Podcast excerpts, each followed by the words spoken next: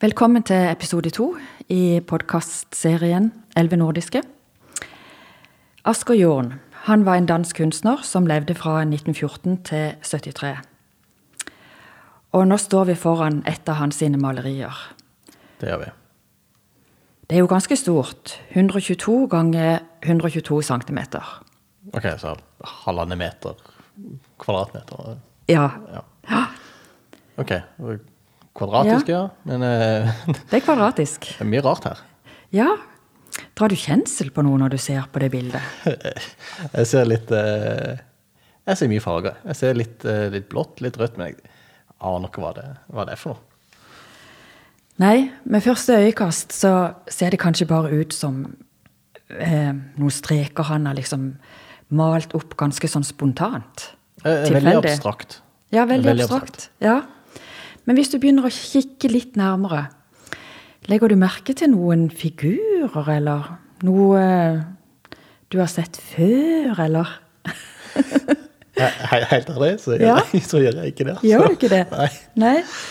Men hvis du begynner å kikke etter noen små prikker, kan det de da ligne på noen øyer? Ja, altså Helt oppe til, til venstre her, så ser det jo sånn sett ut som et, et ansikt med to små øyer og en liten munn og litt, litt sånt. Er, Ja. ja, mulig. Ser du noe ned til, til høyre i bildet? Å, jo, det vet du. Ja, det er et godt poeng.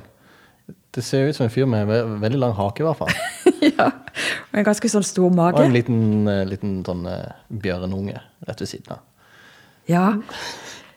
Det er så fascinerende å se på hans malerier, for i veldig mange av de, så eh, etter hvert når du ser en stund på det, så dukker det opp masse forskjellige figurer. det er, så- det er sant.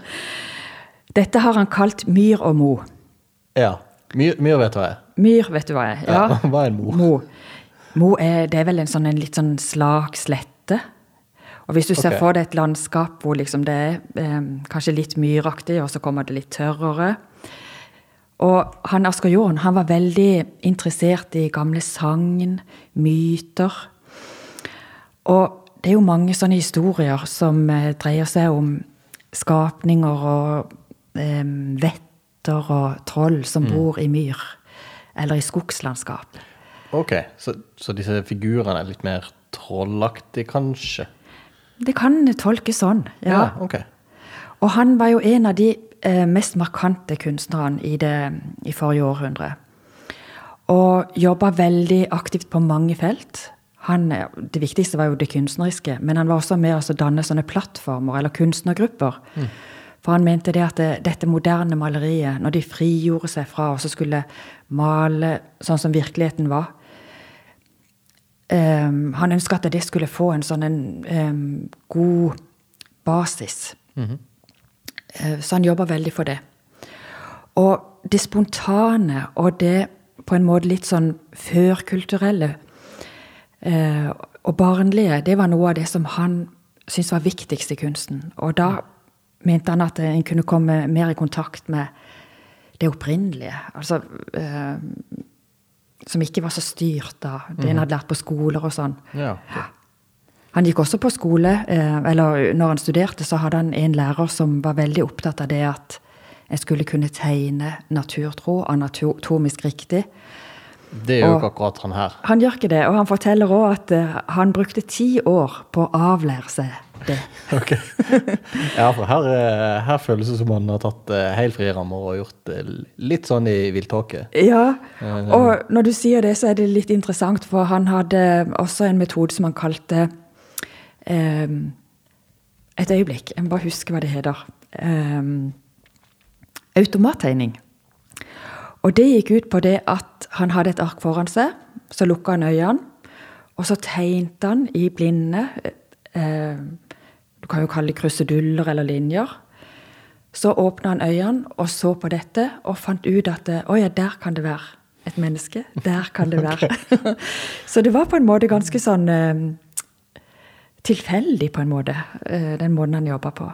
Ja, det, det, det kan jo se litt sånn ut i noen av verkene. De ser litt tilfeldig. Men det, det er jo fascinerende sånn sett å se at det fins noe, noe konkret i det tilfeldige. Ja. Selv om du må, Absolutt. du må jo lete litt. Ja, du må det.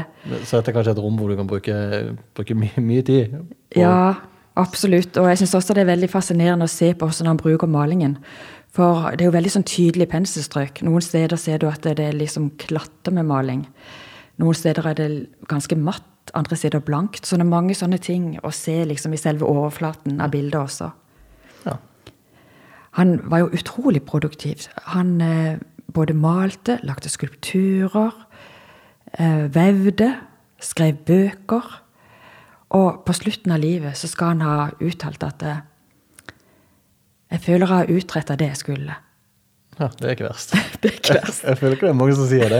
Det må være en god avslutning på livet, tenker Ja, jeg. da, da tror jeg du har gjort mye. Men hva, ok, Så han drev med mye forskjellig, men var det, var det billedkunst som var hovedfokus? Ja, det var det. Og det er jo det som har gjort han så kjent, eh, og som en sånn viktig del av kunsthistorien. Ja.